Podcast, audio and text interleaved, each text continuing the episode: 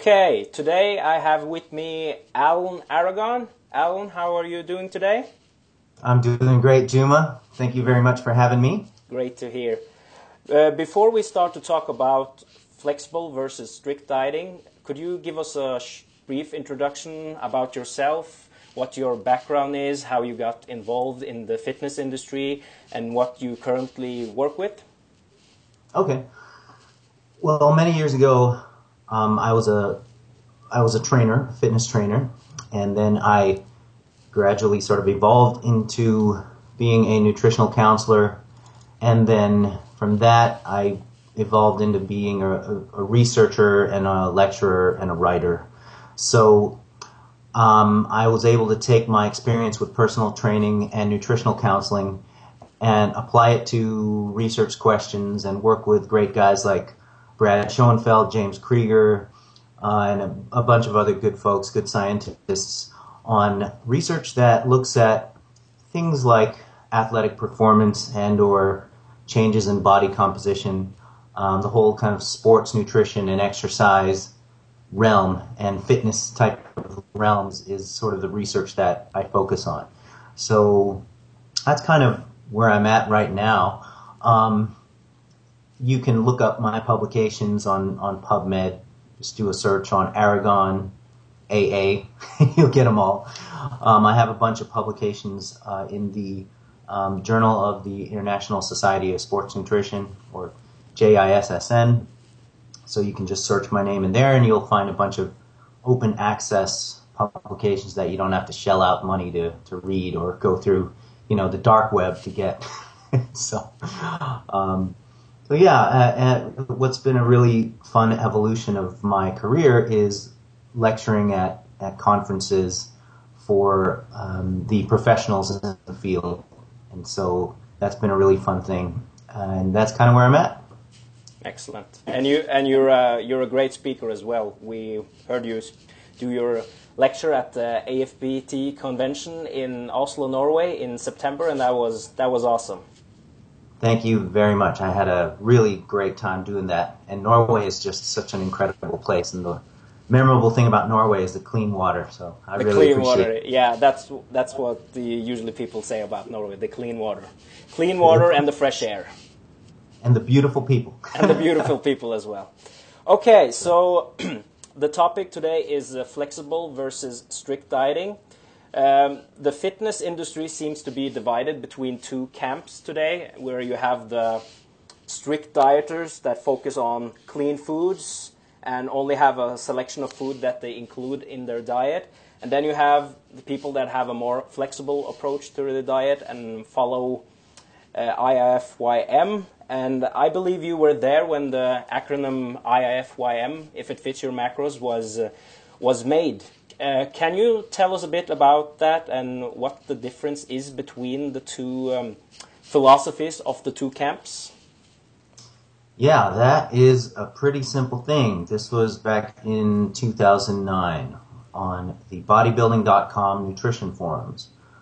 Where, as you can imagine, there are threads posted by people new to the game asking if this food or that food is okay to eat while they're trying to lose fat or while they're in a cutting cycle or a cutting phase. And there was any food you can think of that was posted within the context of the question, can I eat this while I'm cutting? Can I eat that while I'm cutting? And just as an example, foods like, uh, God, anything, bread, white rice, white potatoes, um, cheese, peanut butter, uh, chicken, beef. These normal freaking foods. Eh, can, can I have red meat while I'm cutting? You know, you hear stuff like that. And of course, you also hear things like, can I have peanut butter while I'm cutting? Can I have chocolate while I'm cutting? So what we did was instead of posting if it fits your macronutrient targets or if it fits your macros, then go ahead and eat that food. Just make sure you have an awareness of your total calories and the macronutrition that comprises um, the, that total caloric allotment. And then you'll still lose fat, even if there's some white bread in your diet. You'll still lose fat, Even if there's some white rice in your diet, you'll still lose fat, even if there's some peanut butter in your diet. So, Eric Koenreich was the guy who came up with the idea of posting IIFYM instead of saying it all, you know, typing the whole thing out. If it fits your macro targets, then go ahead and have that food. So he thought of just posting IIFYM as a joke almost because there were so many threads that were posted about, you know, can I eat fruit while I'm cutting? Can I, can I, is it okay if I eat bananas while I'm cutting? If it fits your macros, go ahead and eat that food. So what happened from that point was an interesting thing because people took the IIFYM acronym and turned it into this diet that was promoting junk food. and I'm not exactly sure why that happened, but my guess is that people uh, tend to think in black and white terms. So if it's not 100% clean food, it's got to be 100% shit food. And so IIFYM attracted a, a a, a faction of, of the of the fitness population who gravitated towards eating crap food. And so, you know, this small group of, of, of people sort of uh, tainted or promoted the wrong idea of, of what IIFYM really sort of stood for was just a shorthand way of saying, be aware of your macros and have an awareness of the type of food that you're eating. And yeah, you can, you can eat whole eggs. You know, you don't have to eat just egg whites just fit the egg yolks into the uh, the macro allotment for dietary fat.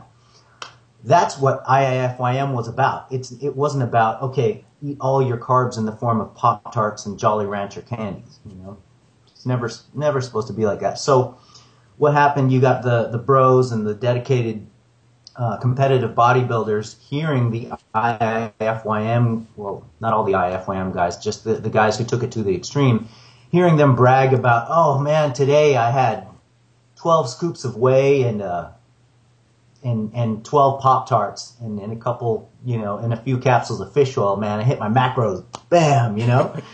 and, uh, of course that's going to annoy people. And of course that's, that's not the optimal thing for uh, long-term health and that's where the battle started happening. You know, the bros are, are going around with their Tupperwares of tilapia and broccoli and sweet potato, or maybe the big one is asparagus now. Your piss has got to smell extreme in order for you to have an extreme So, you know, the, the, those bros got really mad at the IIFYM guys.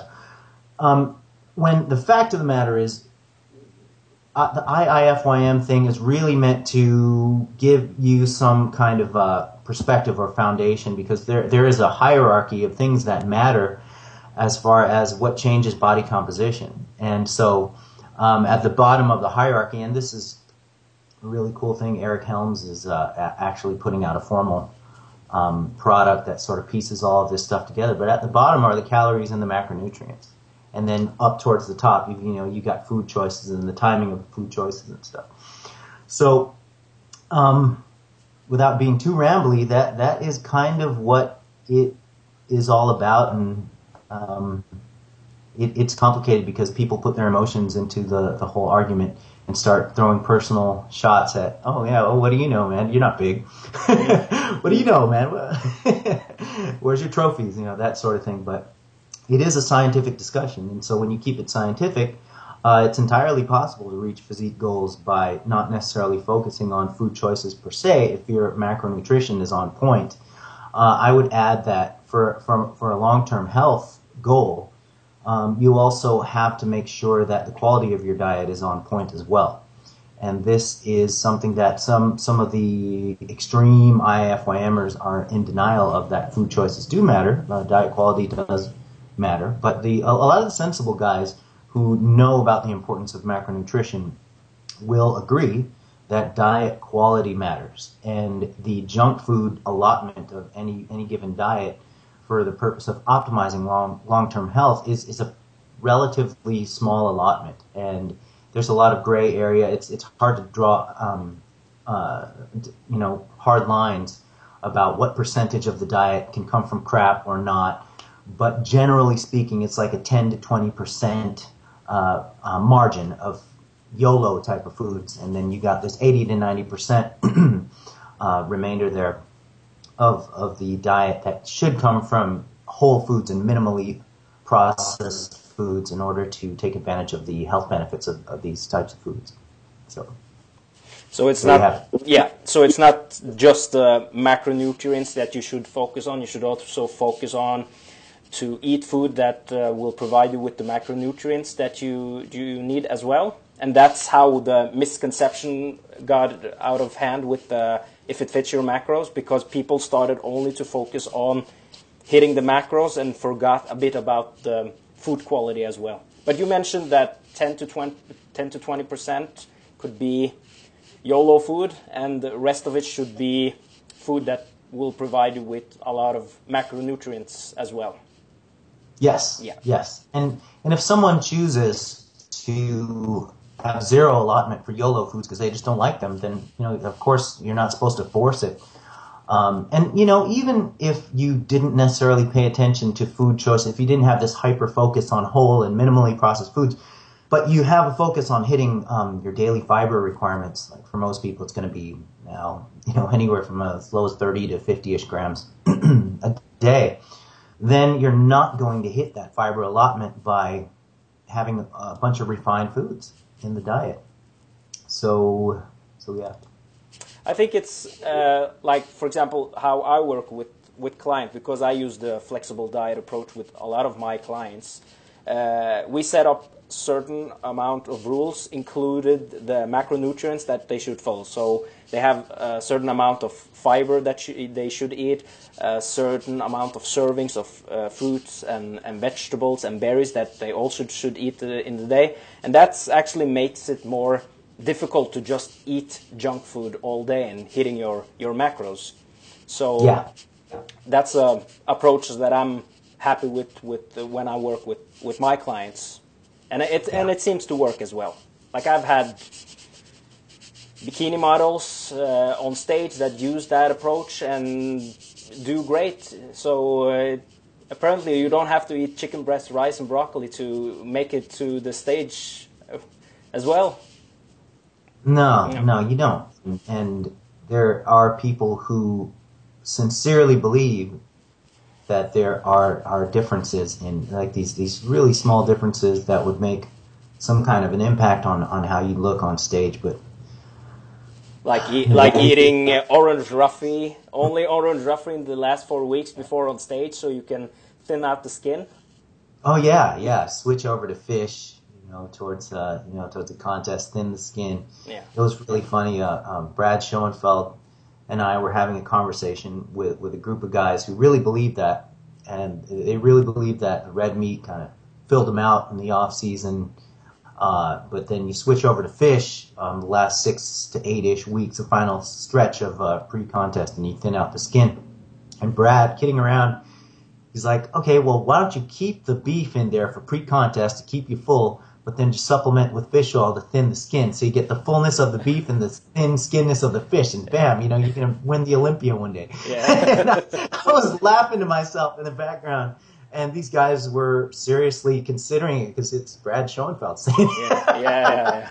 So Brad Brad would, would hear that and, and, and laugh. But um, yeah, there's a lot of magic that people believe in as far as this thing goes. So Yeah. There's, there's still uh, a lot of work to do to remove this uh, this bad information, if I could say it in, in that way. Sort of a Yeah. bad, yeah. Mm. And I, I would also add this, Juma. Um, for people dieting for a bodybuilding or physique show, sometimes it's easier to just stick with a, a narrow list of foods and stick with a script because it leaves less room to mess things up. And it leaves less potential variation that might impact results. So I can totally see the value of uh, going with, in quotes, the six foods that work. Yeah. You know, um, it's just uh, it keeps things simple and it minimizes the potential for error. Uh, it's not that it's healthy psychologically or physiologically, not that it's optimal, but it is. Uh, it has its use from a minimizing the error potential standpoint. So I, I want to make sure that I throw that in there too. Okay, great. what would you say is the like we talked about the um, if it fits your macros approach and the pros of you following that diet is that you can actually include a lot more food in your diet by being flexible. But what would you say is is uh, probably some some drawbacks to following that diet? To following the flexible diet? Yeah. uh, some of the potential drawbacks of, of diets that are, you know, too I guess too flexible is that some people, when you in, introduce um, a lot of variety, uh, then they can tend to, if, if they don't have the foundation correct, that they have to work that variety within a certain framework of total calories and uh, and and macronutrition, they can sort of go outside of the lines and underestimate the total amounts that they're taking in. So that is a potential pitfall to flexible dieting. But then again, it can be argued that okay, well then you're not really doing the flexible dieting correctly yep. if you're messing yep. up the, the amounts that you're taking in. Uh, you know, the flip side of, of doing flexible dieting and, and taking in a, a rigid, all or nothing approach to diet is that it's been seen several times now in research that a rigid, uh, black or white, all or nothing dietary approach is more closely correlated with uh, eating disorders, with uh, with even um, problems uh, regulating body weight, and it's even associated with overweight. You know, the rigid style dieting and the failure to uh, uh, succeed in, in in weight loss and keeping the weight off. So there, there's a bunch of, of uh, peer-reviewed, published studies now showing that uh, the comparison of rigid versus flexible dieting, flexible dieting, way more often than not, uh, outperforms rigid dieting um, in the real world in the general population. Yep. Uh, as far as weight loss and weight loss maintenance goes. So it apparently is a much more psychologically healthy way to go. And apparently, it's uh, a more effective way to go for people uh, who need to lose weight and keep it off in the long term. Yeah, because a yeah. lot of, a lot of people seem to. You see in the research that a lot of people seem to regain the weight um, during the years after they've lost it. I think it's after five years they see that people have uh, usually regained the weight that they lost. But uh, but um, there's an old study from Smith and colleagues from '93 where they actually compared this. They took um, strict dieters versus flexible dieting, and they saw that uh, the people that were more flexible with their diet uh, uh, achieved maintenance of the weight loss after they they've lost the weight. So mm-hmm. you actually see in the research that a flexible approach seems to be better for maintaining the weight over time. But uh, a lot of people seem to think that it might be a, a, stressor because when you actually have to follow a flexible diet, you need some sort of self-monitoring. For example, by using MyFitnessPal to log everything you eat. Would you say that that might be potentially a drawback to following a flexible diet because it puts more stress on the individual? Yeah, for some people, definitely, definitely uh, you have to assess the, the way that the diet is approached on an individual basis. So we'll take myself, for example. Uh, I would absolutely hate to to track my, my intake on, on a on an app like MyFitnessPal, and I would absolutely hate to weigh my food. Um, for me, I would rather ballpark things visually, but that, of course, involved a, a learning process on how to do that and, and actually using the cups and, you know, being able to visualize uh, what these servings look like. And, you know, I, I learned all of that stuff um, uh, in my formal dietitian uh, curriculum, which I went through in my undergrad. And then you teach clients how to do this, and then it, it's a pretty simple, uh, pretty simple way of doing things. Now, if people want to take things to another level of precision and weigh food, and uh, you know track uh, on on let's say MyFitnessPal, they enjoy that and they don't have a problem with it, and they succeed on it, and and they have this positive reinforcement of doing it, and they don't find it to be stressful. Then great, that's their personality type, and they'll succeed on it that way. I would still encourage those folks who like to micromanage. I would still give them the bigger picture that the ultimate goal should be to not do that. the ultimate goal would be to master uh, your diet without having to micromanage it. Yeah. So that's ultimately a healthier um, uh, spot to be in rather than carrying around a scale with you everywhere you go in MyFitnessPal, you know, at the ready. Yeah, I totally agree. But uh, I also think that it might be a good learning process to do it uh, at the start so that you actually can estimate the, the foods that you're eating because it can be difficult if you haven't weighed your food uh, before to actually okay is this 200 grams of, of uh, pasta or is it 500 grams yeah I, I agree with that for people who don't eat a lot of uh, predetermined serving uh, pre, you know pre-made serving sizes like a scoop of protein from your from your protein powder tub, depending on the size of the scoop, is always going to be 25 to 30 grams. You know, uh, a packet of your meal replacement powder is going to be what it is every time.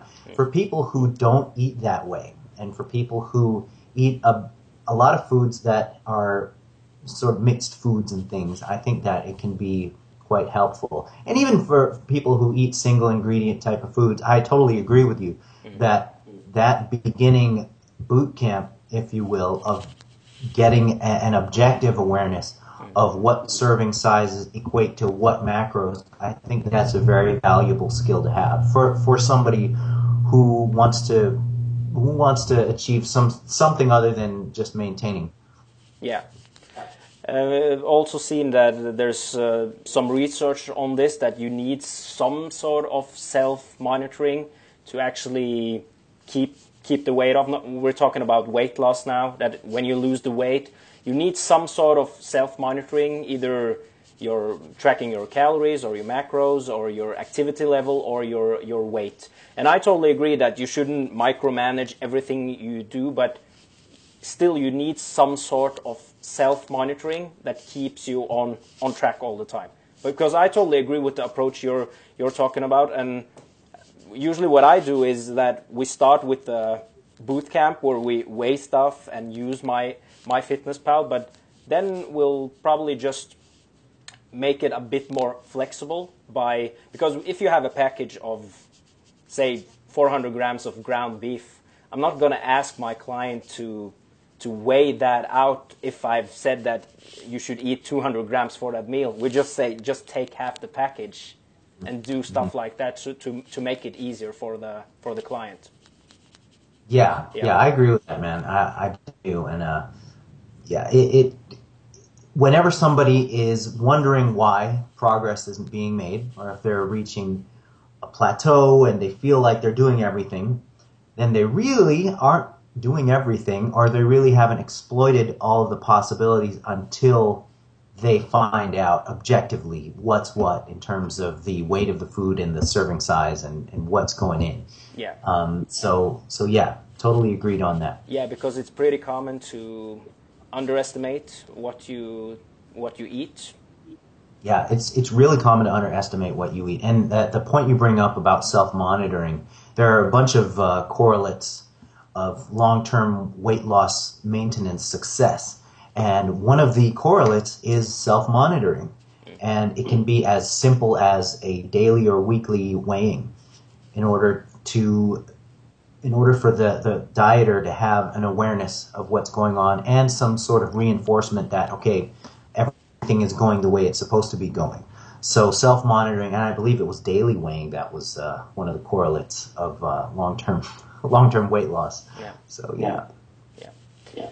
Okay, thank you so much, uh, Al. This was this was actually perfect when when we talked about the flexible dieting, trying to keep it as as short as as possible. Um, could you just give us some information about where people could find more about um, more information about your your articles? I also know that you have written some some books, and you also have a monthly research review.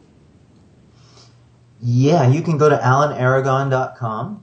That's A L A N A R A G O N dot com. And there are links to my blog, links to my uh, my books, Uh, I've written two books, one in 2007 uh, and, and a, a, recent one I just wrote last year with Lou Schuler. Uh, both books are are I I'm I still like both of them. You know, usually when, when I write something, uh, some time passes, then I kind of hate it. But um, I, I still I still love both of the books. Uh, Girth Control is almost gosh, it's going to be a decade old in a, in a couple couple few years. So um, the information there is still valid in terms of the programming and stuff. Some of the research obviously is is outdated. Uh, but a lot of the principles and the concepts are, are still valid, and it's a good book. People are still making gains from it. You know, yeah, G A I N Z Z Z gains. Uh, you you signed and, one of those books, didn't you, at the the convention? One of the participants had the book with him. Yeah, yeah, girth control. Yeah, yeah, yeah, the girth control. Yeah.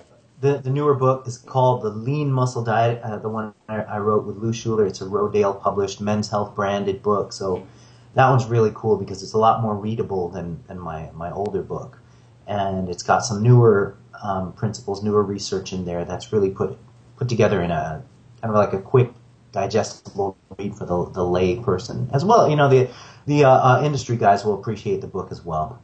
It's just really well written because Lou was the guy who who you know wrote yeah. who basically wrote it.